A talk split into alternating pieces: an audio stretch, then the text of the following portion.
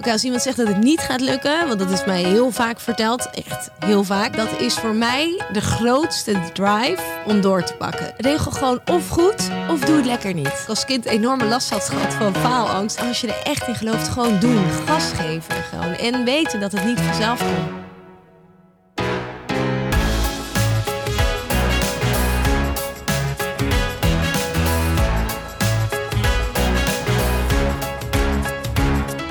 Hey beste luisteraar, welkom bij een nieuwe aflevering van Young Ones. De podcast waarin ik jou meeneem langs inspirerende verhalen van jonge ondernemers. Mijn naam is Sander Timmermans en in de afgelopen 10 jaar heb ik meerdere goedlopende ondernemingen opgebouwd. Maar er zijn ook zeker wel een aantal ideeën geflopt. Nu help ik jonge ondernemers bij het realiseren van hun ondernemersdroom. En wie hier meer over weten, check dan www.sandertimmermans.com. In deze aflevering praat ik met rasondernemer Marielle Smit, oprichter van MMA Hospitality en Mama Daily Babyvoeding. Ik sprak Marielle op een bijzonder punt in haar leven, want terwijl ze zwanger is van haar tweede kindje en haar eerste onderneming door een moeilijke periode leidt, start ze ook een tweede onderneming die direct met volle kracht uit de startblokken schiet. Dit gaat zelfs zo hard dat in een korte periode tussen de opname en dat jij het nu luistert, Mama Daily al verkrijgbaar is bij de Albert Heijn. Hoe Marielle dit allemaal voor elkaar krijgt, dat hoor je natuurlijk in deze aflevering. Abonneer je alvast even op deze podcast als je in de toekomst niets zult missen. En ik zou het natuurlijk heel erg waarderen als je een review wilt schrijven aan Apple Podcasts. Hierdoor weet ik namelijk wat jij van deze podcast vindt. En het zorgt ervoor dat de afleveringen bij een groter publiek terechtkomen. Veel plezier! Yes! Hey Marielle, van harte welkom bij Young Ones. Super leuk Dankjewel. dat wij hier bij jou mogen zijn op kantoor. Ik zeg altijd welkom, maar we zitten eigenlijk altijd bij iemand anders. Ja. Ik heb jou een beetje beter leren kennen via Clubhuis, waar wij elkaar natuurlijk een aantal keer hebben gesproken. En toen dacht ik al van, want ik kende je van tevoren niet echt van wat een positief en energiek eh, persoon. Zo kom je ook altijd over, vind ik. Dank je, dank je wel. En anderzijds vraag ik me dan altijd af, eh, als ik dan zie wat je allemaal doet. Je hebt twee ondernemingen, één onderneming net gestart. Je hebt een kindje, eh, Ja. je hebt een, eh, een man die is vandaag jarig, waarmee nog gefeliciteerd. Dank je wel. Dat zijn veel, veel dingen om mee bezig te zijn en toch blijf je dan altijd zo positief en energiek. Ja. Is die balans iets waar jij soms mee struggelt of gaat dat bij jou op de een of andere manier dat je al die ballen goed weet te balanceren? Nou, eh, nee, nee, dat blijft een uitdaging, kan ik je vertellen. Eh, maar eh, dat positieve zit er gewoon in. Zo ben ik ook opgevoed. Altijd maar gewoon positief blijven en dan komt het ook al goed. En ja, het balans tussen werk en privé, dat, daar, dat is een heel lang verhaal, maar Ja. die heb ik nog niet gevonden in ieder geval. Maar ik heb ook al zoiets, ik word geen leuker mens als ik alleen maar thuis ben bij mijn kleintje. Ehm, en ehm, ik ben wel een veel leukere moeder als ik gewoon lekker aan het werk ben. Dus ehm, ja, dat probeer ik maar gewoon eh, in mijn achterhoofd te houden. En ik heb ook gemerkt dat mijn ouders hebben altijd zoveel gewerkt, ook weinig thuis geweest.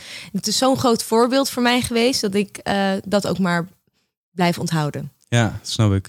En ik heb jou wel eens ergens eh, zien zeggen, volgens mij. Ik heb het zelf gelezen, maar Ja. bloed is dikker dan water. Eh, daarmee eh, probeerde je, want het was een quote, dus ik neem aan dat je het hebt gezegd. Ja, ja, Eh, kan. denk ik aan Dat- de tijden van familie is inderdaad heel erg belangrijk. Ja, het belangrijkste. Ja, hoe, hoe is dat bij jou? Hoe ben jij opgegroeid? Waar ben je opgegroeid? Hoe zag jouw jeugd er voor een deel uit? Nou, ik ben opgegroeid met twee broers omheen. Ik ben de helft van een tweeling. Ik heb een tweelingbroer. En ik heb een oudere broer van negen jaar ouder. Ja, Ik kom echt uit een ondernemersgezin. Dus bij ons thuis ging het altijd over de zaak. Ehm, en daarvan heb ik ook geleerd dat niks komt vanzelf. En je moet er knijterhard voor werken. Dus dat, daar komt ook wel een beetje die drive vandaan. Ehm, maar ik ben eigenlijk in een heel, lief, heel liefdevol gezin opgegroeid. Eh, alles kon, alles mocht. En eh, ehm, ja, eigenlijk gewoon... Ik kijk alleen maar met heel veel liefde terug. En, en nog steeds hebben wij een hele hechte band. Eh, Ja. Ik zeg altijd, en dat is een beetje... Mijn vriend wordt daar soms een beetje gek van. Maar ik kan echt zonder iedereen, behalve zonder mijn twee broers. Ja. Eh, dus, want hoe is eh, dat om tweeling te zijn? Want ik heb zelf geen broers of zussen, dus Oh, ik ja. vind überhaupt die band altijd heel interessant Ja. tussen broers en zussen. Zij zelf altijd vaker van, hey, volgens mij ben je dan echt altijd beste vrienden. En daar kwam ik achter eh, along the way dat sommige mensen ook zeiden van, nou, dat, dat valt nu ook wel weer mee. Maar een tweeling, dat is nog extra bijzonder, dat lees je altijd. Van dan heb je wel echt een soort twee handen op één buik. Ja, het leuke is dat ik een vergelijking heb met mijn vriend. Die heeft inderdaad ook geen broers of zussen. En het verschil is wel dat, ehm, dat ik, heb, ik heb twee mensen die volwa altijd, hoe zeg je dat? Ehm, no matter what altijd achter je staan. En dat is heel erg lekker. Als ik links ga eh, en zij vinden dat ik rechts moet gaan. Ja, met je vrienden zou je misschien ruzie krijgen. Of die zouden zeggen, nou dat is dan niet meer, we zijn geen vrienden meer, uh, adios. En je broers staan altijd achter je. Dus um, ja, dat vind ik heel erg fijn. En um, ja, met mijn tweelingbroer. Nou, ik moet zeggen, ik heb met beide eigenlijk even goede band. Want met mijn tweelingbroer, dat is heel speciaal. En we werken ook samen.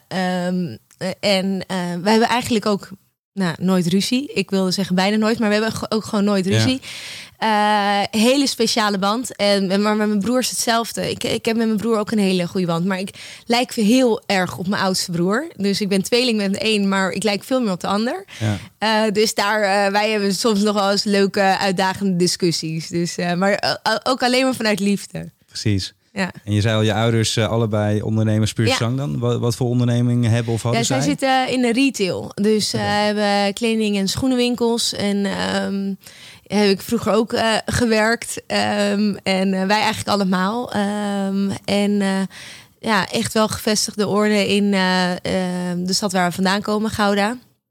En ja, heel gaaf om dat te zien hoe dat uh, is ontwikkeld. Want, af, uh, want vroeger zonder rijen dik voor de kassa op zaterdagmiddag. En dat is natuurlijk nu in deze tijd een heel ander verhaal. Maar uh, gaat online weer heel erg goed. Daar hebben ze mega op ingespeeld. Dus um, ja, blijft bijzonder en een groot voorbeeld om naar te kijken. Ja. En dat voorbeeld heeft er ook voor gezorgd dat jij heel jong al een ondernemersdroom had. Want je hebt wel gestudeerd, las ik. Dus, ja, um, ik heb nog afgemaakt ook. Dus ja, um, ja um, nou, ik, het was eigenlijk zo. Ik studeerde, want ik vond dat ik dat wel moest doen.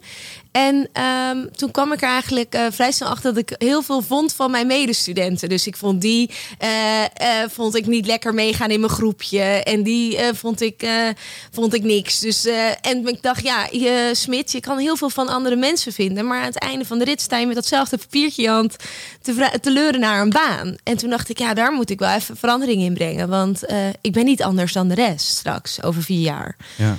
Uh, ik deed op dat moment de HBO-opleiding. En toen dacht ik, nou, ik moet er gewoon iets naast gaan beginnen.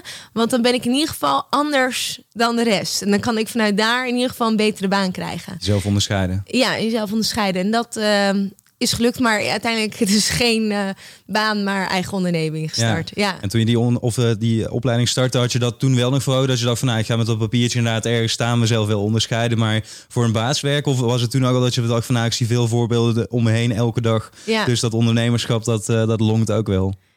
Nou, ik heb ook wel heel veel. Uh, op een gegeven moment liep, liep ik heel lang uh, te roepen van ja, ik kan echt niet voor een baas werken. Nou, dat vind ik echt onzin. Um, maar dat was dan een beetje een soort houding, denk ik, die ik had op dat moment. Een beetje naïef. Maar ik had het wel snel. kwam ik erachter dat dat ondernemen me wel enorm trok, inderdaad. Maar ik wist op dat moment nog helemaal niet wat ik wilde doen. Dus ja, dan kan je wel het heel graag willen, maar je moet wel een plan ja. hebben en een idee. En, um... en je zag natuurlijk ook misschien wel de keerzijde bij je ouders. Dat hoor ik ook van mijn uh, vriendin. Ja. Uh, haar vader is ondernemer en haar moeder is ook lang ondernemer geweest. Die ja. zei van ja, uh, heel tof allemaal. Er gebeuren heel, heel veel leuke dingen. Maar de, wat jij zei, het knijterharde werken wat achter de schermen gebeurt en heel veel mensen vaak niet zien. Ja. Dat is ook eigenlijk het grootste onderdeel van het hele ondernemerschap. Ja. En daar moet je ook voor tekenen natuurlijk. Nou, absoluut. Maar dat was ook wel meteen... dat is ook wel een enorm voorbeeld geweest. Want inderdaad, wat je zegt, het gaat gewoon niet vanzelf. Dus je moet er heel hard voor werken. En uh, ik zeg altijd, je moet er uh, heel veel voor doen, maar nog meer voor laten. En uh, helemaal als je dan 21 bent en je begint een onderneming. Um, ja, dan gaat met studeren en dat soort dingen, dat moet je dan wel doen. Maar uitgaan zit er dan op dat moment niet bij. Of met elkaar in de kroeg hangen. En um, maar ja, dat wist ik. Dus dat was, uh, weet je, en de, daar tekende ik op dat moment ook voor, voor mijn gevoel. Van oké, okay, ja, ik weet, als ik hier aan ga beginnen, is het gewoon vol gassen. En uh, ja, gewoon focus op uh, wat je wilt. Want uh, met half werk kom je er niet. Ja, 100%. Ja. En je zei het zelf wel, tijdens die studie waar we het net over hebben, ben je je eerste onderneming gestart. Ja. inmiddels heet het MME Hospitality, als ik het goed, goed ja. verwoord. Uh, ik zei het in, in het voorgesprek al tegen, gestart in de financiële crisis destijds. Ja. Uh, ja, never race the good crisis, zeggen ze wel eens. Dat heb jij, uh, jij zeker gedaan. ja. Kan je eens ons meenemen in die tijd van, van, vanuit waar ontstond dat idee voor MME? hoe, hoe heb je dat aangepakt destijds? Um, nou, eigenlijk was ik werkte zelf als hostess op dat moment. Uh, dus ik had daar een beetje gevoel van de, van de business. Uh, maar helemaal van de andere kant. Maar ik zag dat er op dat moment dingen beter konden. Uh, Dus ik vond uh, de werkmentaliteit van mijn collega's vond ik uh, niet top. Ik vond de communicatie van het bureau kon beter. Nou, er waren allemaal dingetjes. Toen hoorde ik op een gegeven moment ook wat mensen voor me betaalden als hostess. En toen dacht ik, hé, hey, maar uh, ik vind dit werk heel leuk. Het is eigenlijk het leukste werk wat je kan doen als student. Ja. Maar we moeten het gewoon beter neerzetten. Ja, en als ik dat dan kan neerzetten voor andere uh, mensen, dus voor andere studenten, nou, dan, dan heb ik eigenlijk twee vliegen in één klap. Want dan maak ik het studenten, hun studentenleven leuker. En ik, heb, ik zet iets beters neer voor, voor de markt. Dus we gaan echt bepaalde surfs neerzetten. En uh, nou, dat heb ik uh, toen destijds gedaan. En maar echt zonder een enorm plan hoor. Want ik moest op dat moment studeerde nog. Ik moest naar het buitenland. Want ik had bedacht dat ik een internationale studie wilde doen.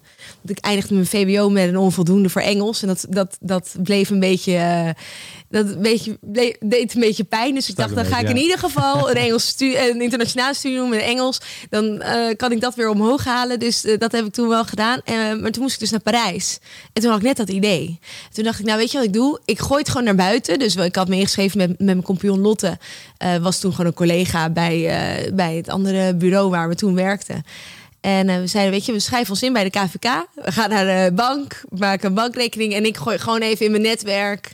Stuur gewoon iedereen een sms'je. hey jongens, als je een keer hostess ja. nodig hebben, let me know. En op dat moment zat ik ook daadwerkelijk in de auto onderweg naar Parijs voor een half jaar. Ja, en nou, nog geen twee weken later stond H&M op mijn voicemail. Nou, dat, ik heb letterlijk, dat is gewoon een meisjesdroom. Ik heb letterlijk op de bank staan dansen in mijn uh, Parijse appartement.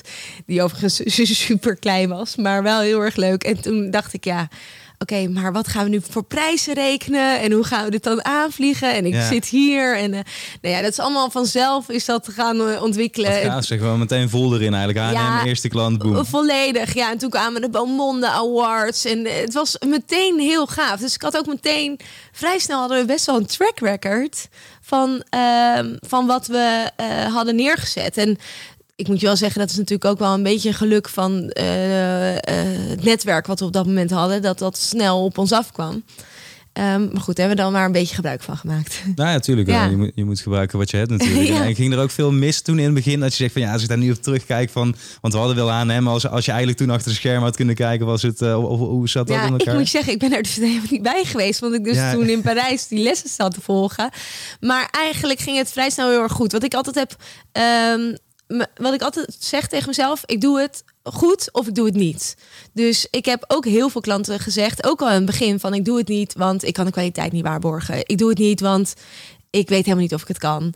Uh, dat zei ik dan niet zo. Maar dat was voor mij, het was voor mij altijd heel erg belangrijk. Ik doe het alleen maar als ik een bepaalde kwaliteit kan neerzetten. En dat uh, doe ik met, heb met mijn huidige uh, bedrijf, met MME dus altijd gedaan. Of MMI, het is heel internationaal.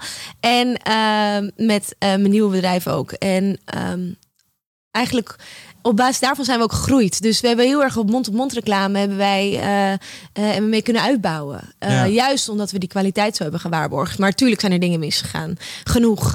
we werkten op een gegeven moment voor Swarovski. En dan had ik meiden ingezet die helemaal geen gaatjes in hun oren hadden. Dus stonden ze daar en konden ze helemaal die sieraden niet dragen. Nou ja, allemaal dat soort stomme dingen. Ja. Of een meisje die een of andere allergie had. Dus die kon niet mee eten met personeelseten.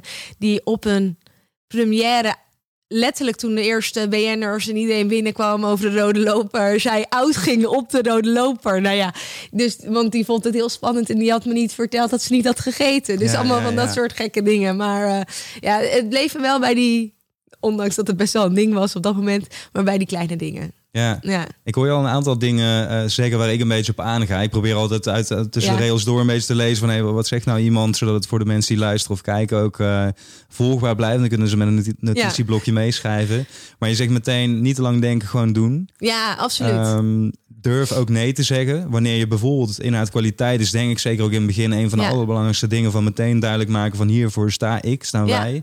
Uh, en dan is het nee durven zeggen wanneer er ook veel opdrachten op je afkomen waarvoor je eigenlijk denkt, hey, misschien zou ik dat wel moeten doen uh, ja. voor de money of iets anders. Ja. Uh, natuurlijk heel knap als je dat kan. Nou, ik heb denk daar ook wel eens een keer een fout in gemaakt hoor. Ik heb best wel een keer wat gedaan waarvan ik achteraf, de, ach, achteraf dacht van, nee, dat had ik eigenlijk, daar had ik eigenlijk nee op moeten zeggen. Maar ook meteen dan les geleerd, oké, okay, dat gaan we dus niet meer doen. En altijd daaraan vastgehouden. En op die manier kan je wel uh, groei je misschien niet zo altijd zo snel als je wilt. Maar je kan wel uh, uh, enorme stappen maken en op basis van kwaliteit groeien. Dus dan komen mensen ook weer bij je terug. Want als jij half werk levert of um, een meisje inzet waarvan je niet heel zeker bent, in ons geval dan een meisje inzetten, dat klinkt als oneerbiedig, waarvan je niet zeker bent dat ze die kwaliteit heeft die, waar de klant om vraagt, doe het dan niet. Weet je, want anders heb je een klant die niet blij is, die komt nooit meer bij je terug. Je kan het ook niet goed gaan maken met een korting. Dus regel gewoon of goed of doe het lekker niet. Ja, precies. Weet waar je voor staat inderdaad en ga daar, ga daar achteraan. En ik hoor je ook zeggen, ik, eh, ik doe dit samen, of we hebben het al die tijd ook samen gedaan met, eh, met Lotte, jou, jouw co-founder, zoals ze dat dan noemen. Ja. Um, was dat destijds een hele bewuste keuze? Want je omschrijft eigenlijk van ja, we werkten gewoon samen, zijn naar de KVK gereden, hebben ingeschreven. En volgens mij, als ik in ieder geval uh, bij de research die ik deed naar de foto's kijken hoe jullie het verhaal omschrijven, is dat een, een topband en is dat heel lekker gegaan? Ja. Is dat puur toeval of had je daar toen wel even nee, een gedachte puur bij? Puur toeval, zeg ik heel eerlijk. Ik, nou, ik moet je wel zeggen, we hebben, denk, we kennen elkaar helemaal nog niet zo heel goed. We waren echt collega's, dus we hebben samen op een paar events uh, samen gestaan, samen uh, gewerkt. En uh, die klik was er. en zij was net zoals ik best wel ambitieus. Dus en zij was veel zakelijker, stond ze overal in. En zij keek heel erg naar de cijfers en zo. Nou, ik ben daar echt een stuk minder goed in. Dus uh, ik uh, ben een stuk commerciëler en uh, ik kijk iets minder naar cijfers in de basis. Daar ben, daar ben ik wel in veranderd, maar dat was toen zeker zo. Ja. En toen dacht ik, nou, als zij daar nou goed in is en ik pak het commerciële stuk op en ik ga aan de voorkant trekken en zij pakt die achterkant meer op. Um, ja, dan hebben we misschien, zijn we misschien best wel een team. Nou, along the way zijn we erachter gekomen dat we best wel een heel erg sterk team zijn. Dus dat, um, ja, dat is zo gelopen. En ik denk dat, uh, dat, als ik het opnieuw zou moeten doen, zou ik het weer met haar doen. En uh, we hebben ook altijd al echt een hele goede band gehad. En elkaar heel erg versterkt. Dus ja. dat is... Uh, dat is ook wel heel bijzonder hoor. Want je hoort natuurlijk ook heel veel compagnons die uh, nat gaan. En uh, het helemaal uiteindelijk niet met elkaar. Uh... Nou, dat, dat is wat je zegt. Twee dingen inderdaad. Van wat je zegt, je moet elkaar versterken en aanvullen natuurlijk. Als je ja. twee dezelfde karaktertypes. Misschien ook wat je een beetje met je broers omschreef. of met je ene broer dan. Dan kan dat wat vaker botsen. Ja. Als je gewoon op dezelfde ja. golflengte zit. Ja, dat is niet altijd feest dan zeg maar. Um, en anderzijds denk ik, want ik zeg net toeval. Maar ik denk dat jij een heel sociaal persoon met Lotte ken ik natuurlijk niet. Maar als je communicatie goed is, dat is natuurlijk ook belangrijk om überhaupt. Uh, nou, we waren gewoon echt een team. En ook al, uh, dat hoorden we ook altijd van klanten terug. Klanten die zeiden dan zo, die zeiden dan aan het einde van het gesprek zo geestig. Je hoort uh, Marielle de te praten. En aan het einde van de hele afspraak uh, vat uh, Lot het even samen in één zin, weet ja. je wel? En ze zeiden ook altijd, nou, aan Lot durf ik sneller mijn geld uit te geven. Uh, en Marielle heeft een beter verhaal, weet je ja, wel? Dus ja, dat was wel heel erg leuk. Dus dat, ja, we, we, voegden elkaar echt aan, ja. Of hoe zeg je dat? we voegen elkaar aan elkaar. Veel elkaar ja, aan, ja, zeker. En als je dan terugkijkt naar die tijd, hè, want uh, we komen zo bij het moment waar het nu uh, meer om gaat. Ja. Maar je zijn al ontzettend jong begonnen. Ja. Uh, dan zijn er ook, je maakt gewoon als mens, maar ook als ondernemer een, een ontzettende ontwikkeling door. Ja. En ik kan me niet voorstellen dat er geen dingen zijn waarvan je zegt van hé, hey, die heb ik echt meegenomen als een soort uh, haakje in mijn hoofd van als ik weer een keer iets ga doen of een nieuw project, zoals ja. je, waar je nu mee bezig bent, dan zijn dat de punten die ik even mee ga nemen en direct in mijn nieuwe plan ga doorvoeren, zodat ik daar bijvoorbeeld niet weer een keer tegenaan loop of zodat ik misschien nog, nog een net iets vloeiendere start heb. Ja. Uh, springt je iets er binnen of valt je iets er binnen? Nou, wat daar... uh, nou qua start uh, weet ik niet zo. Wat ik wel heel erg heb geleerd is dat ik bijvoorbeeld ehm, ja, gewoon niet dingen moet doen waar ik niet zo goed in ben. Dus uh, ik heb in het begin van MMA heel veel dingen moest ik natuurlijk oppakken. Uh, alles zelf. Ik was en stylist en ik stond uh, benen in te smeren met vet. En ik stond ik, ik, en financiële dingen. En um, op een gegeven moment de eerste medewerker aannemen. En ik ben er wel achter gekomen dat ik bijvoorbeeld helemaal geen manager ben. Ik ben een enorme bouwer. Ik, ik geniet enorm van het opbouwen van een bedrijf. Maar zodra er mensen in dienst komen, uh, vind ik dat super lastig. Ja. Uh, ik ben namelijk. Ik vind mensen, ik vind namelijk veel te gezellig. En mensen zien je toch als werkgever. Dus ik vind dat heel erg lastig om, om, uh, om zeg maar die relatie op een bepaalde manier neer te zetten. Uh, dus uh, dat heb ik nu met, uh, met Mama wel even anders gedaan, inderdaad. Dat ik ook, en ook zeker weet dat als we gaan uitbreiden. Ehm, dat ik dat op een bepaalde manier ga doen, eh, dat ik daar niet zoveel last van heb als eh, bij uh, MMA. Want dat was wel mijn grootste struggle, denk ik, bij MMA. Daar ben ik ook een echt andere persoon van geworden. Dat ik dacht, shit, ik dacht dat ik mezelf heel goed kende, maar ik kan dus eigenlijk helemaal niet zo heel goed die werkgever uithangen. Mijn, mijn, ja. mijn compagnon is, die kan veel meer, nou niet boven iemand, slaat nergens op, maar die kan die autoriteit uh, kan ze veel meer ownen dan dat ik dat kan. Ik uh, wil liever je vriendin zijn, bewijs van, of in ieder geval uh, maatjes zijn, dan dat ik je werkgever ben. En ehm, ja, dat vind, blijf ik lastig vinden. Maar dat ga ik nu anders doen. Nou, wat je zegt van je, je ontwikkelt als persoon. Ja. Dit is dan de kant van natuur heeft de een wat meer van het ander ja. en de ander van ja, het dat. ander. Ja, uh, en dan kom je ook bij wat je net zei van ja, weten waarvoor je staat en ook waar dat je uh, valkuilen liggen. Juist dat is heel sterk aan zich natuurlijk. ja. Uh, en je zegt net zelf van ja, ik ben een ontzettend positief persoon, maar ook jij kent struggles, ook jij kent mindere tijden natuurlijk. ja genoeg. We hadden het er in het begin al even over en die wil ik toch even benoemen. Maar als je in de branche zit waarin MMA uh, Ja. zit, Ja. dan is corona natuurlijk gewoon compleet ruk. ja, kan je eens omschrijven hoe die tijd is geweest voor je? nou 2020 was echt het meest slechte jaar in die 30 jaar dat ik leef. Uh, we hadden namelijk heel lekker lopend bedrijf. Uh, 2020 was ook, zoals jij ook weet, een mega evenementenjaar. We zouden met MMA uh, mega gaan knallen op de Formule 1. Uh, Europese kampioenschappen kwam eraan, veel. Nou, normaal met ons in onze markt, of in ieder geval in onze branche, was het altijd uh, drie weken van tevoren wist je pas hoe je uh, volgende maand ging lopen. Maar we wisten nu al een half jaar voor 2020 dat we een klapper van een jaar gingen maken. Dus, dus het, we zaten gewoon goed. En ik zou eind maart uit de operatie gaan. Mijn tweelingbroer die zou de hele operatie gaan draaien. Uh, zodat ik iets meer op de achtergrond kon aan de slag met de lange termijn doelen. En me kon focussen op nieuwe dingen. Ja. Nou ja, dat liep dus even anders inderdaad. En um, dat is echt een heel, heel pittig geweest. Vooral omdat we 16 man in dienst hadden. En die uh, nou ja, vrij snel moesten laten gaan. Omdat we door dat lot zo lekker is met cijfers... kwamen we al vrij snel achter dat we dat niet heel lang gingen volhouden. En dat je dan moet gaan schakelen. En dat is lekker makkelijk gezegd, maar dat is heel lastig om dan uh, ja. tegenover 16 man te gaan zitten uh, en te gaan vertellen van jongens, we gaan het tot hier halen. Uh, en de kans dat dan de markt weer aantrekt is vrij klein. Dus we moeten toch iets gaan doen. En liep je daar misschien ook een beetje tegen dat punt aan wat je net omschreef van hé, hey, ik wil eigenlijk met de mensen waarmee ik werk gewoon een, een goede vriendin proberen te zijn. Ik wil op een normaal nou, en dan, dan moet je ineens de werkgever toch een rol gaan, gaan vervullen. Nou, of hoe, uh... de afgelopen twee jaar heb ik dat wel uh, kunnen veranderen hoor. Dus want daar ja. was ik al wel weer dat ik uh, dat ik had al vrij snel wel ook, ook wel weer door dat ik dat helemaal niet kon zijn en misschien uiteindelijk ook helemaal niet wilde. Dus Uh, maar het blijft lastig, want het, zijn, um, het waren in mijn geval heel veel vrouwen uh, die allemaal midden in het leven staan. Uh, net, een, net bij ons waren begonnen of al een tijd bij ons aan het werk waren, die hard voor de zaak hadden. En um, ik had eindelijk een keer een team na bijna tien jaar, waarin ik echt vertrouwen had. En waarvan ik echt dacht: oké, zij kunnen gaan knallen zonder dat ik in de operatie hoef te zitten. Want dat is waar we naartoe hadden gebouwd de afgelopen jaar. Dat ik uh, die stap achter de. Uh, nou, een stap terug kon doen, ja, zeg ja. maar.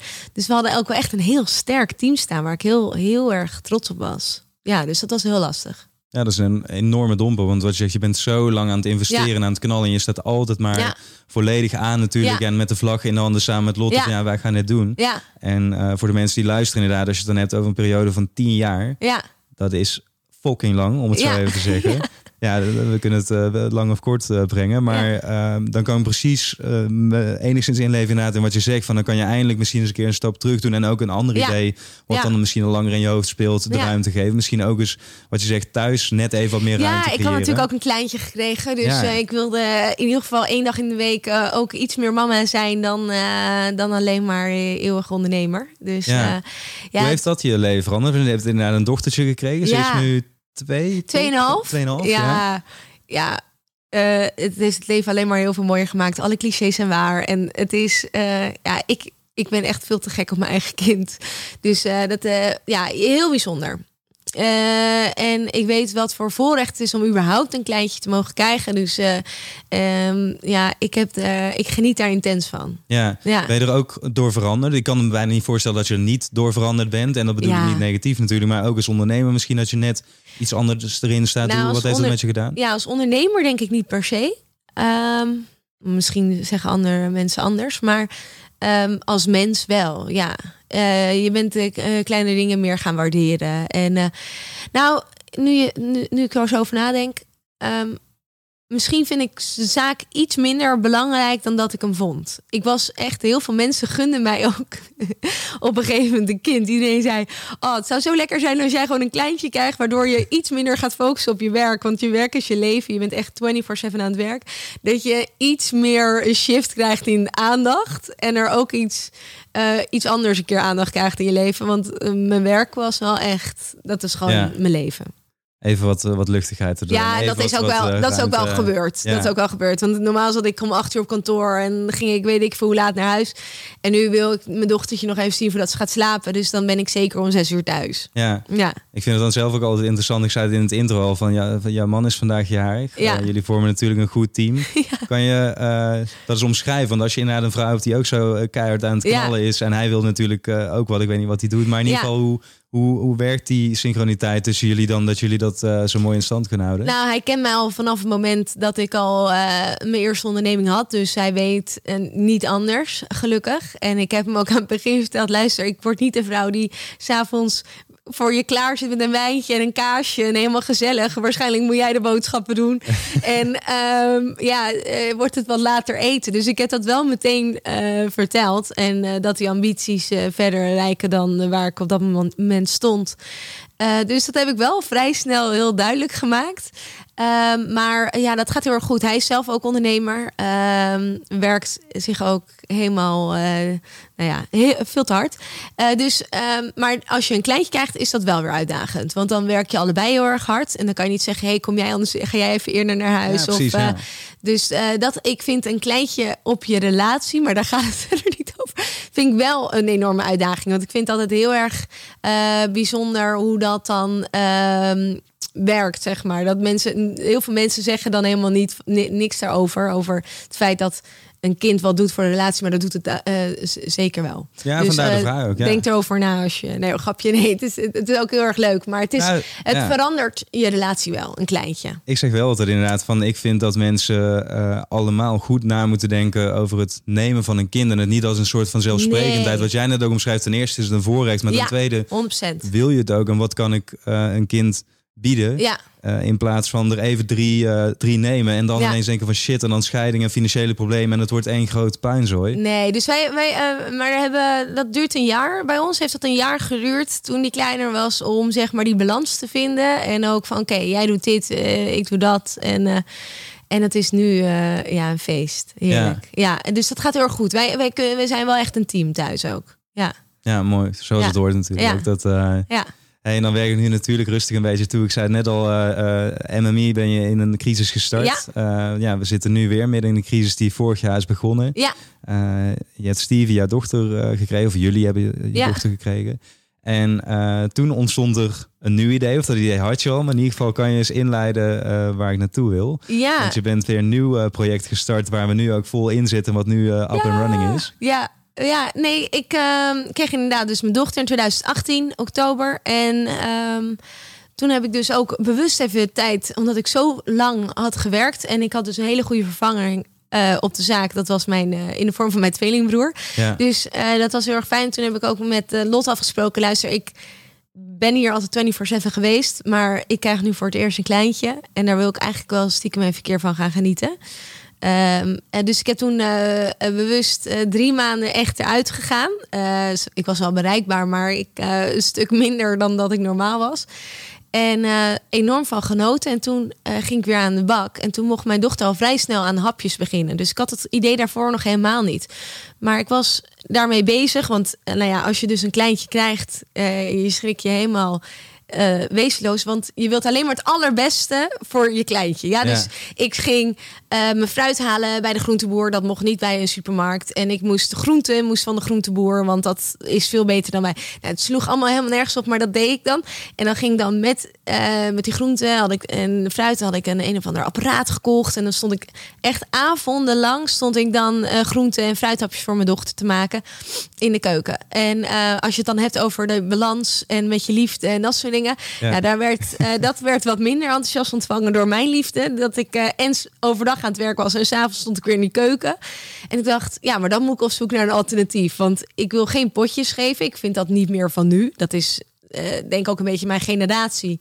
Dat je op een gegeven moment zo ja, gericht ben op gemak, maar wel op vers en gezond. En het moet allemaal, weet je, een beetje Hello Fresh, allemaal makkelijk in huis, maar het moet ook snel klaar zijn. En uh, dat ik dacht, ja, maar dan moet ik op zoek naar een alternatief. En even voor mijn referentiekader, hoe ziet het er normaal gesproken uit als je dat uh, zou willen kopen in de winkel? Zijn het dan een soort uh, eiwitshakes die je gaat nee, maken? Of, of potjes. Daar ben je denk ik zelf ook groot mee geworden met die kleine potjes. Nee? Ja, die smerige Ja, ja. Ik, ik probeer het me nu. Ik ben nee, inmiddels 28. We mogen niet dus, zeggen uh, smerig, want ze zijn eigenlijk hartstikke goed voor kindjes. Maar het is gewoon niet vers. Dus ja. Um, dus het is een heel groot verschil uh, in dat uh, verhaal. Dus um, ja, en wij uh, richten ons echt op vers, op vriesvers. Dus um, en die potjes in de, in de supermarkt, die liggen ook gewoon in het ambientschap, zeg maar in het droge schap. Ja. En die zijn dan ongeveer twee jaar houdbaar ja, ik vond dat gewoon heel erg gek. En dan gaf ik dat stiekem soms wel eens aan mijn dochter. En dan dacht ik, ja, maar ik durf hier zelf helemaal geen hap van te nemen. Ja, ja. Uh, en toen dacht ik, ja, maar dat is gek. Dus toen ben ik op zoek gegaan dus naar een alternatief voor zelf koken. En dat was er wel, dus dat heb ik wel geprobeerd. En er, um, daar was ik overal eigenlijk best wel tevreden over. Alleen mijn collega's zeiden op dat moment, maar Marielle, dat kunnen wij helemaal niet betalen. Moeders met kindjes. Die zeiden, ja, maar dat is voor ons echt veel te duur. En toen dacht ik, ja, maar dat is raar. Want het is eigenlijk best wel een heel erg goed concept. Alleen als je het dan niet kan betalen, dan is het eigenlijk helemaal geen goed concept. Want dan bereik je dus geen mensen. Dus toen, uh, daar kwam eigenlijk het idee van dat ik dacht: oké, maar dan moeten we gewoon iets neerzetten. Wat heel goed is, gemakkelijk, voedzaam, maar, uh, en vers, maar ook betaalbaar. En uh, daarop ben ik me gaan focussen. Bizar eigenlijk dat het er nog niet is natuurlijk. Want wat jij nu omschrijft, ik neem aan... Uh, want je omschrijft ook gevoel als ouder, je wil het beste voor je kind. Dus je gaat zoeken, wat is er dan? Ja.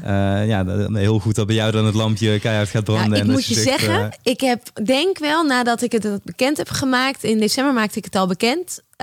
2020 dat ik ehm, nou wel 50 berichten van ouders heb gekregen die zeiden ja ik liep al weet ik veel hoe lang met die idee maar ik heb er nooit wat mee gedaan. Ja. Dus ja, dit is ook eigenlijk, uh, dat, dat, probeer ik ook voor de luisteraar soms even te benoemen. Want heel vaak uh, zijn er ook jonge ondernemers. Of een beetje wat jij in het begin omschreef. Van hé, hey, mijn ouders waren ondernemer. Ik wist nog niet helemaal ja. wat ik wilde. En ik had ook nog geen idee om te gaan ondernemen. Dus ja, hoe kom je überhaupt aan dat idee? Uh, en dit zijn eigenlijk precies de dingen inderdaad, uh, hoe mensen er vaak tegenaan lopen natuurlijk. Ja. Maar bij de een gaat het lampje, wat ik zei, volle branden. Ja. En de ander denkt van, oh ja, shit, het is er niet. Nou, dan pak ik wel iets anders en dan daar stopt het dan. Nou, ik moet je wel zeggen, ik schrijf, ik, heb, uh, ik was ook wel heel erg bewust aan het zoeken naar nieuwe uitdaging. dus ik schreef alle, ik, had, ik heb best wel heel veel altijd ideeën die dan opkomen. En ik kijk dan vooral naar dingen die, waarvan ik zelf vind dat die beter kunnen.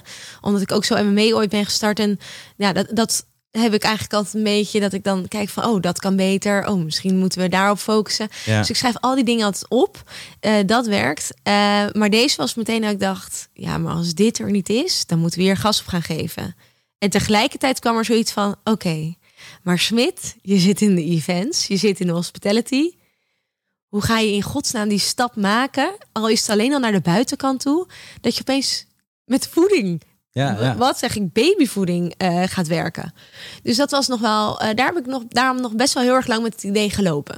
Ja, en wat was toen je startpunt dan? Want dan zeg je, je maakt het idee op het duur. Ik vind het zelf, als je mij niet zo vertelt van, nou, je wordt moeder, je loopt er tegenaan. Het klinkt super logisch, maar ik kan me voorstellen wat jij zegt. Je hebt natuurlijk een bepaald beeld van jezelf altijd in events gezeten. Van wie ben ik dan om dit nu uh, te gaan doen? Uh, waar, waar begon je ergens? Waar, waar begon je ontdekkingstocht? Nou, hoe kan ik dit dus voor een goede prijs, goede voeding inderdaad? Ook, het moet verzonden worden uh, naar, naar ja, mensen. Dat moet ook lukken. Ja. ja. Nou, ik heb dus vooral eerst nagedacht van hoe ga ik mezelf neerzetten. Uh, in die zin, hoe ga ik opeens van ondernemer in de hospitality naar ondernemer in de babyvoeding. Ehm, en dat heeft nog even geduurd. En toen dacht ik op een gegeven moment, ja, weet je wat ik ga doen? Kijk, ik ga nu niet opeens roepen dat ik verstand heb van babyvoeding. Weet je wel, ik ben ervaringsdeskundige, ik ben moeder en ik zie dat het beter kan. Ehm, maar om nou te gaan vertellen dat ik opeens uh, een of ander uh, ortomoleculair arts ben of diëtist, dat ben ik niet. dus ik ben die mensen om me heen gaan verzamelen. Dus ik ben op zoek gegaan inderdaad naar een ortomoleculair arts. Twee keer gezegd nu zonder te struikelen. Vind het een heel moeilijk woord namelijk. ik ga me er niet aan wagen. Ik laat jou het. Uh... en diëtisten. Um, daarnaast naar een producent. Want ik dacht, ja, ik ga ook niet zelf. ik heb uren, nou avondenlang in die keuken gestaan, alles getest en gedaan. Maar ik ga niet voor mijn klanten dat doen, buiten het feit dat ik daar uh, minder verstand van heb. Dus ik ging op zoek naar een goede producent die ervaring had op dat gebied. En um, nou ja, toen ben ik langzaamaan ben ik iedereen om me heen gaan verzamelen. Heel veel onderzoek gedaan hoor. Want ik moest, je hebt niet meteen de juiste producent aan ja, je Dat wil ik net zeggen, want je zegt inderdaad, uh, create your dream team is wat ze dan altijd zeggen. Verzamel de juiste mensen om je heen. Ja, dat gaat niet zo makkelijk zoals ik zeg hoor. Dat is nou, inderdaad, inderdaad is, is, dat letterlijk gewoon Google je netwerk aanspreken? Want anders krijg je straks weer die vraag van ja, leuk dat ze dat zeggen, maar hoe dan? En, ja. hoe dan? Ja, nou inderdaad. Dus uh, je, je netwerk aanspreken, vragen of zij mensen kennen. Ik ben ook heel erg op LinkedIn gaan zoeken. Ik ben ook onder potjes van andere merken gaan kijken. Van oké, waar wordt dat dan geproduceerd? Oh, uh, weet je wel, ook die gaan contacten. Um, en zo langzaamaan uh, vond ik dus mensen om me heen die hetzelfde idee hadden, hetzelfde gevoel erbij hadden. En dat vond ik heel erg belangrijk. Uh, ik wil niet opeens een soort wereldverbeteraar zijn, maar ik weet wel dat het beter kan. En vanuit dat idee samen gestart. Dus uh, ja, het is vooral heel veel zoeken geweest. En, uh, en de juiste klik, want je gaat wel iets aan met elkaar. Ja, 100%. Wat ja. je zegt, die ontdekkingstocht die door jou uh, geleid wordt natuurlijk. Ja. Maar daar moet iedereen wel ja. volledig in gaan zitten. Ja. En ik las inderdaad, want je zei net in december 2020 heb ik het bekendgemaakt naar buiten dat ik hiermee bezig was. Ik las ook een post van hey, anderhalf jaar uh, bloed, zweet en tranen, nachten doorwerken, testen, testen, testen. Ja. Dat is hieraan vooraf gegaan. Ja, want dat deed ik dus naast MMA natuurlijk. Omdat ja, ja dat ook, weet je, ik, toen ik met MMA echt in downwards ging, dacht ik, ja, wat ga ik nou doen? Ik heb toen ook mijn producent gebeld en gezegd, ik stop ermee. Want ik kan niet als mijn ene bedrijf helemaal in de brand staat en met een ander bedrijf vrolijk doorgaan. Dat, dat schiet niet op. En hij heeft me eigenlijk overtuigd om toch weer langs te gaan en te kijken of we misschien dan anders konden aanvliegen. Of uh, hij heeft er eigenlijk voor gezorgd dat we uiteindelijk uh, toch door hebben gepakt. Want ik dacht, ja, dat kan ik helemaal niet naar mezelf verantwoorden. Dat, dat ik daar uh, moeilijk, uh, moeilijk gaat en mensen moet ontslaan en dan daar weer vrolijk doorga. Uh, dat ging ook helemaal niet zo vrolijk door, want het was inderdaad heel hard werken. Ja, ja. Maar twee dingen tegelijk, dus je bedrijf in leven houden en je nieuwe bedrijf starten, was een uitdagende periode inderdaad. Dus het was bloed, zweet en tranen, zoals je zei inderdaad. Nou ja, 100%. En wat ja. je zegt van MMA is tijdens een crisis gestart. Ja, nu in deze crisis gaat het dan automatisch in die branche een heel stuk minder. Ja. En vervolgens, ik vind het ontzettend knap en ook gewoon je typeren als persoon en als ondernemer, dat je dan toch, ook al krijg je dan nu natuurlijk, iedereen heeft af en toe eens even iemand nodig die zegt van hey, pak nou even door. Uh, maar dat je dan gewoon zo'n mooi nieuw bedrijf uit de grond stamt terwijl dat gebeurt. Ja. Um, en ik denk, ja, dat, wat ik noem, dat is bewonderswaardig. Dat je die energie op kan brengen. Want veel mensen, uh, ik heb ze ook gezien en gesproken. Ja. En die eventbranche, die zijn gewoon compleet leeggebrand uh, ja, door die tijd. Ik heb ook bewust zo min mogelijk contact gezocht met um, conculega's en klanten. Ik bedoel, ik heb natuurlijk heb met mijn klanten veel voeding gehouden. Maar op een gegeven moment heb ik gedacht van oké, okay, ik ga ook. We bellen alleen maar over om te vertellen hoe vervelend en hoe zwaar we het allemaal hebben. En ja, ja ik ga daar heel slecht op. Want uh, op een gegeven moment ga ik daar helemaal in mee. En ik wil dat helemaal niet. Dus uh, ik heb op een gegeven moment gezegd van jongens, we kunnen nu toch niks. Dus ik laat gewoon voor nu rusten. Zodra we weer kunnen gaan knallen, gaan we vol gas.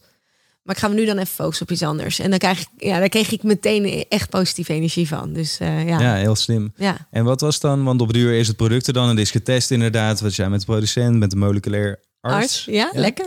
Um, uh, het is er. Dan, dan moet je nog een uh, strategie of iets dergelijks gaan ja. verzinnen om het de wereld in ja. te krijgen. Om jouw verhaal, wat je net al zei, waar je zelf ook nog een beetje mee bezig was. Hoe ga ik dit brengen? Hoe heb je dat aangepakt? Wat was de uh, strategie, om het zo even te noemen, om het in de markt te zetten? Ja, um, nou ja, ik, ik ben ook, voordat ik zeg maar echt naar buiten ging, heb ik ook nog heel erg nagedacht. Oké, okay, hoe moet dan alles eruit zien? Hè? Want dat was voor mij ook heel erg belangrijk. Ik merkte dat mijn dochter heel goed lekker aanging op, op kleuren. Dus het moest voor mij ook allemaal heel hele kleurrijke verpakkingen zijn en, uh, en handig. En uh, alles kan daar ook natuurlijk nog bij kijken. Dus dat heb ik met een hele fijne designer ook ehm, opgezet. Die ik ook, dan ook weer via via ehm, mee in contact ben gekomen.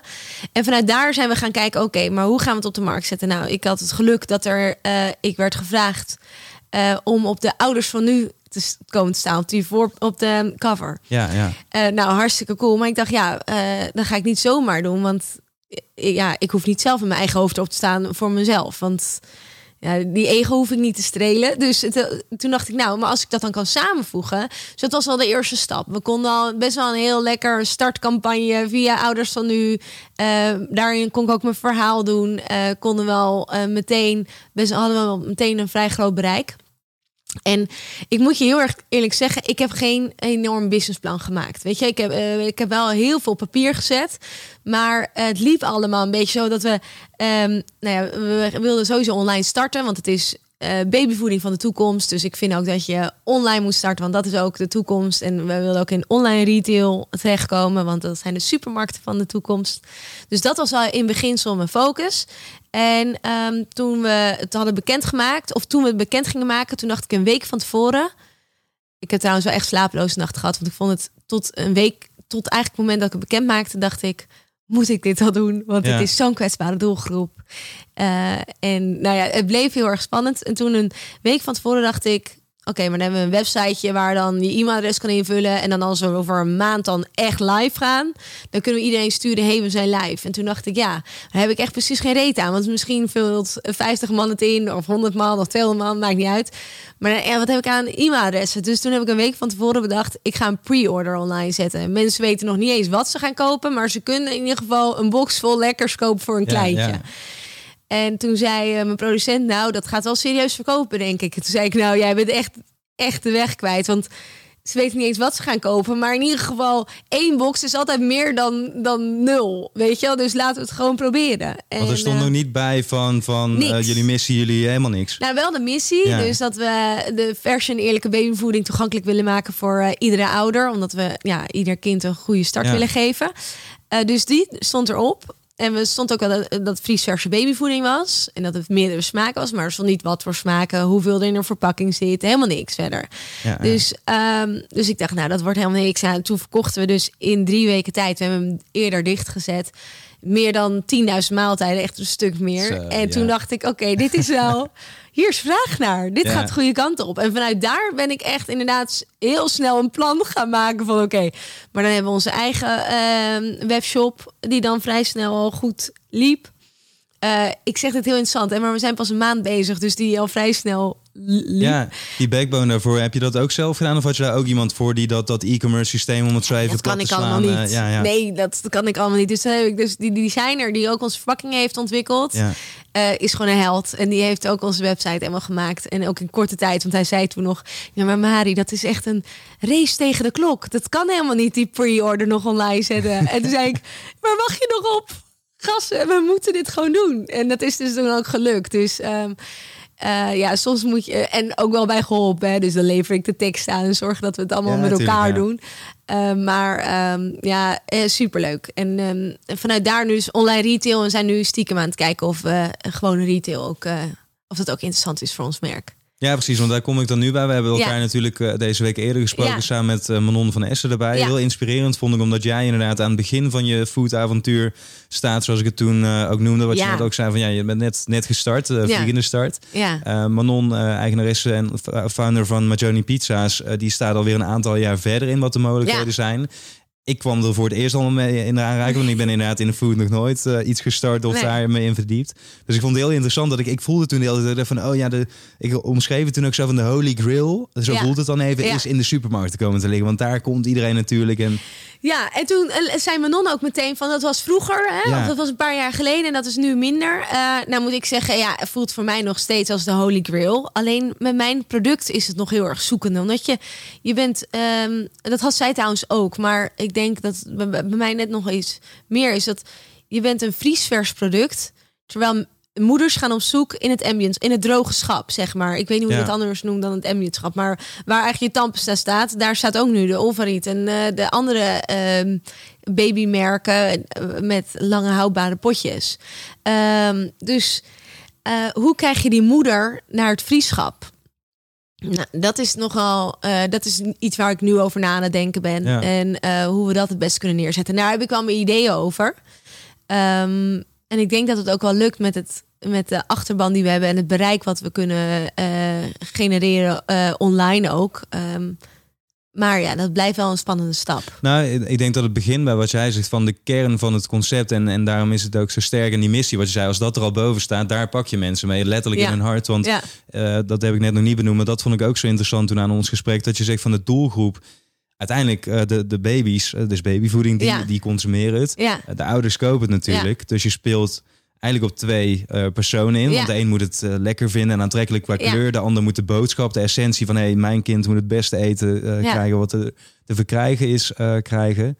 Dus die eh, wisselwerking vind ik heel interessant. En dan Ja. kom je bij inderdaad van ja, als ik, ik heb nog geen kinderen, maar eh, door de winkel zou lopen of juist online al zou gaan googlen Ja. van goede babyvoeding en hierbij terechtkom en het ligt ook nog eens in een appie, ja. ja, dan ga ik wel zoeken waar het ligt, weet je wel. Dat, eens. Dat, dus daar, dat, daar ben ik me ook van bewust. En ik denk ook als moeder ga je ook op zoek naar de juiste voeding. Dus ik denk dat, ze, dat ik ze ook wel naar dat vriendschap krijg. Maar het blijft wel een stap. Het is wel, het is, ik lig niet naast de, de gevestigde orde. Dus dat, Ja. is, dat is gewoon eh, iets nieuws. En dat eh, is een uitdagende stap. Maar we gaan hem zeker aan. En eh, de gesprekken lopen. En het is ook vrij concreet. Dus we gaan in ieder geval we gaan de pilots draaien. Weet je? En vanuit daar gaan we zien, werkt het of niet? Moeten we alleen die online retail gaan pakken? En dat kan ook betekenen dat je gewoon online bij een Jumbo gaat liggen, maar niet in de winkel. Ehm, en dan moeten we maar zien. En, en voor mij is het heel belangrijk, en dan moet ik dan mezelf maar even. ehm, me, eh, hoe zeg je dat? Ik moet mezelf maar ervan overtuigen dat als het dus niet lukt in die winkel, dat dat eh, geen falen is. Ik, ik Ja. heb eh, namelijk zelf eh, heb ik als kind enorme last had gehad van faalangst. Al, en dat is een beetje omgeleid in prestatiedrang. Dat ik denk, oké, ja, als dat dus niet werkt, dan werkt dat gewoon niet voor het merk. Maar dan moeten we dat gewoon online aanvliegen. En online wordt het gewoon goed opgepakt. Ja, precies. En wat je zegt, van, het is ook een beetje een... ehm, hetzelfde als toen ik bijvoorbeeld een festival ging organiseren... en je wilt overal door het hele land posters ophangen. Het is ook een beetje soms een ego-ding. Dat je Ja. van, ja, dat is een soort eh, keurmerk van het Ja. gaat lekker met ons. Ja, Eh, dat, ik zeg niet, dat is natuurlijk lang niet puur hierbij zo... maar het voelt voor jezelf misschien als een soort prestige ding. Inderdaad, van ja, dan zitten we ook nog eens in de supermarkt. Hetzelfde Ja. als een online influencer die op de duur toch ook op tv komt... die dan zegt van ja, zie toch wel je? lekker om te kunnen noemen Ja. dat ik ook daar zit of zo. Ja, nee, precies dat. En maar daarnaast ook, er is vorig jaar september ehm 2020 dus een, ehm, een rapport uitgekomen van UNICEF... waarin eh, naar voren kwam dat of 70 of 75 procent van de kinder, baby slash kinderproducten in de supermarkt... niet voldoen aan de voorwaarden of eh, eisen van ehm, het voedingscentrum. Ja. Nou, dat is natuurlijk gigantisch. Ja, veel te veel.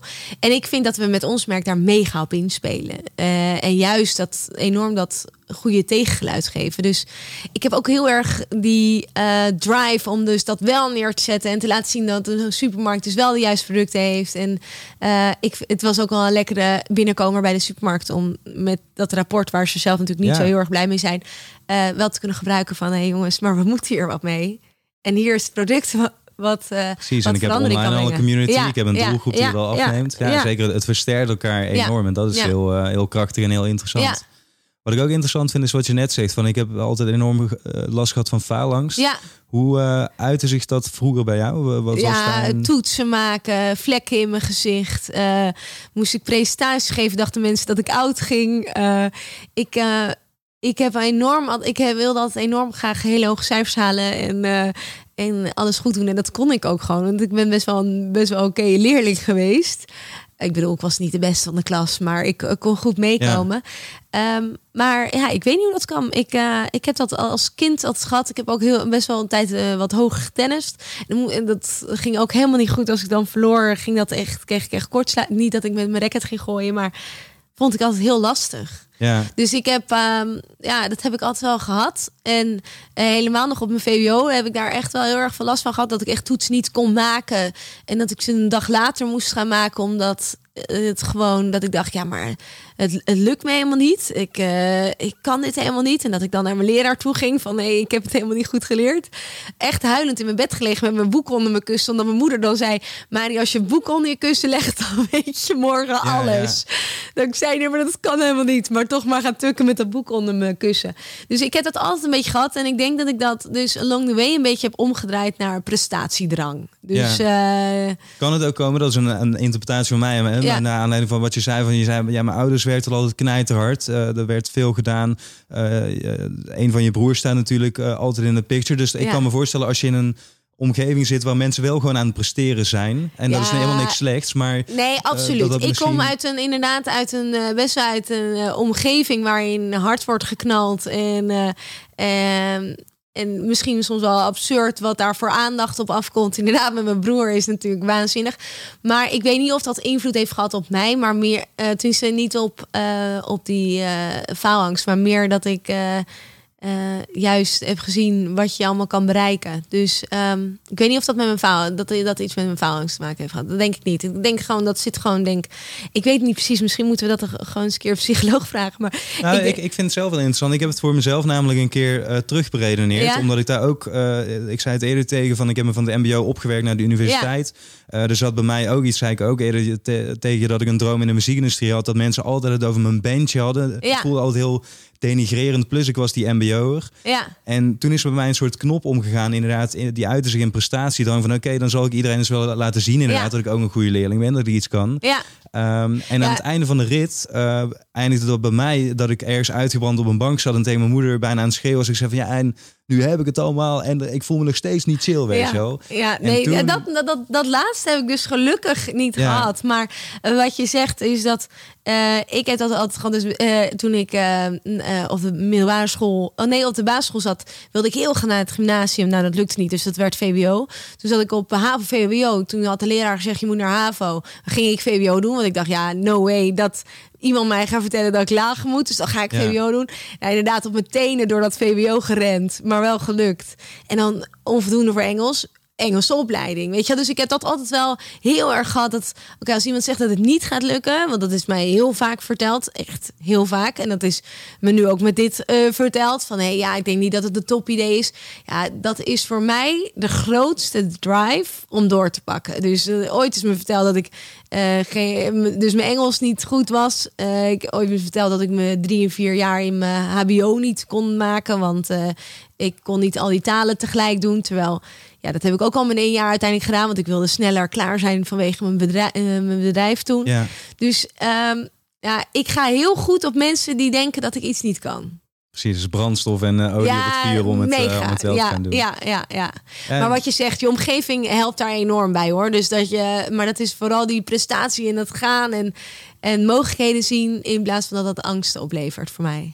Ja, daarom en dat ja. vind ik ook het interessante eraan. Want de ja. ene zou misschien zeggen van... oh, ik zak daardoor helemaal in elkaar en ga in een hoekje zitten janken. En de ander die zegt juist van... hé, hey, ik laat me daardoor inspireren. En ook als anderen iets bereiken... Ja. heb je ook twee manieren natuurlijk. Hè. De een zegt al van... oh, kijk hem daar weer of kijk haar daar weer. Of je kan zeggen van... nee, het inspireert me. Ik, ik wil ook iets in die nee, richting doen. En ik, ik gebruik het als voeding voor... Uh, voor waar ik naartoe wil. Nee, 100%. Mijn broer is echt een voorbeeld. Bijvoorbeeld mijn oudste broer ja. met uh, zijn bereik en wat hij met zijn bereik allemaal doet en wat voor gave bedrijven hij leidt. Uh, maar mijn tweelingbroer daarentegen, die staat minder in de picture, maar is ook een mega voorbeeld in hoe relaxed en ja. cool hij is en hoe goed hij alles onder controle houdt. En uh, dus dat is, uh, het is heerlijk om dat soort mensen om je heen te hebben. Dat werkt enorm. Ja, en ik ja. vond het van je tweelingbroer inderdaad heel leuk toen ik research hiervoor aan het doen was, want uiteraard Bas staat altijd in de belangstelling. Ja. Maar ik vond het juist heel leuk dat de naam van, van Niels dus ineens opdook. Ik dacht van, oh, die is er ook. En ben ik gaan kijken van, oh, wat doet hij dan? Ja, heel veel mensen weten niet eens dat ik een tweelingbroer heb, omdat ze natuurlijk alleen maar Bas zien. Dus ze weten, heel vaak denken ze dat wij met z'n tweeën zijn, Bas en ik. Maar uh, nee, uh, uh, hij is net zoveel broer van mij als Bas. Ja, waar, waarvan acte dan weten ja. mensen nu. Ja. Hartstikke mooi. Hey, ik vind het een uh, fantastisch gesprek. Wat ik zei, ik vind je inspirerend als ondernemer en als, uh, als mens. Dat zet ik ook in mijn uitnodiging uh, dan erin, maar dat, dat meen ik ook oprecht. Dank je. ik vind het heel erg tof om te zien waar je met uh, Mama Delen nu mee bezig bent. Ook dat je vanuit die, ja, toch wel dat, dat diepe dal waar jullie wel echt in zaten ja. of zitten eigenlijk met MMA. Ja. de kracht en de energie kan opbrengen om toch weer zoiets aan te grijpen. Ja. En de een denkt dan misschien van ja, dat gaat allemaal makkelijk. Maar jij ontscheidde net ook, dat is het absoluut niet. Nee. En ook nu, juist in die beginfase, dat ik in het begin. Je hebt het een en het andere interview. Hier kan ik me voorstellen dat er van alles stil achter de schermen ja. gebeurt. Ja. Dus, uh, dus daar kunnen mensen denk ik een mooi, uh, mooi voorbeeld aan nemen. En Ja. gewoon een goed verhaal natuurlijk. Dank je. En ik wil jou eigenlijk het laatste woord geven. Want je hebt nu behoorlijk wat ervaring als ondernemer. Je staat nu weer in het begin van een nieuw project. Ja. Uh, als er iets is, ook weer vanuit die phalanx die je omzet naar positieve energie. Ja. Wat jij, een jong ondernemer die dit nu luistert, uh, zou willen meegeven. Dan doe ik niet op een gouden tip, maar gewoon één, één levensfeitje van uh, Marielle. Van nou jongens, ben je hier bewust van. Wat zou het dan zijn? Nou, ik zou zeggen begin jong. Dus inderdaad, jong ondernemers, begin. En ga het gewoon doen. Want wat ik met MMA toen heb gedaan, is dat ik vond het super spannend. Want ik zeg, zeg natuurlijk net van, joh, uh, ik begon toen gewoon. En ik ging naar de KVK. Nou, ik vond het super spannend.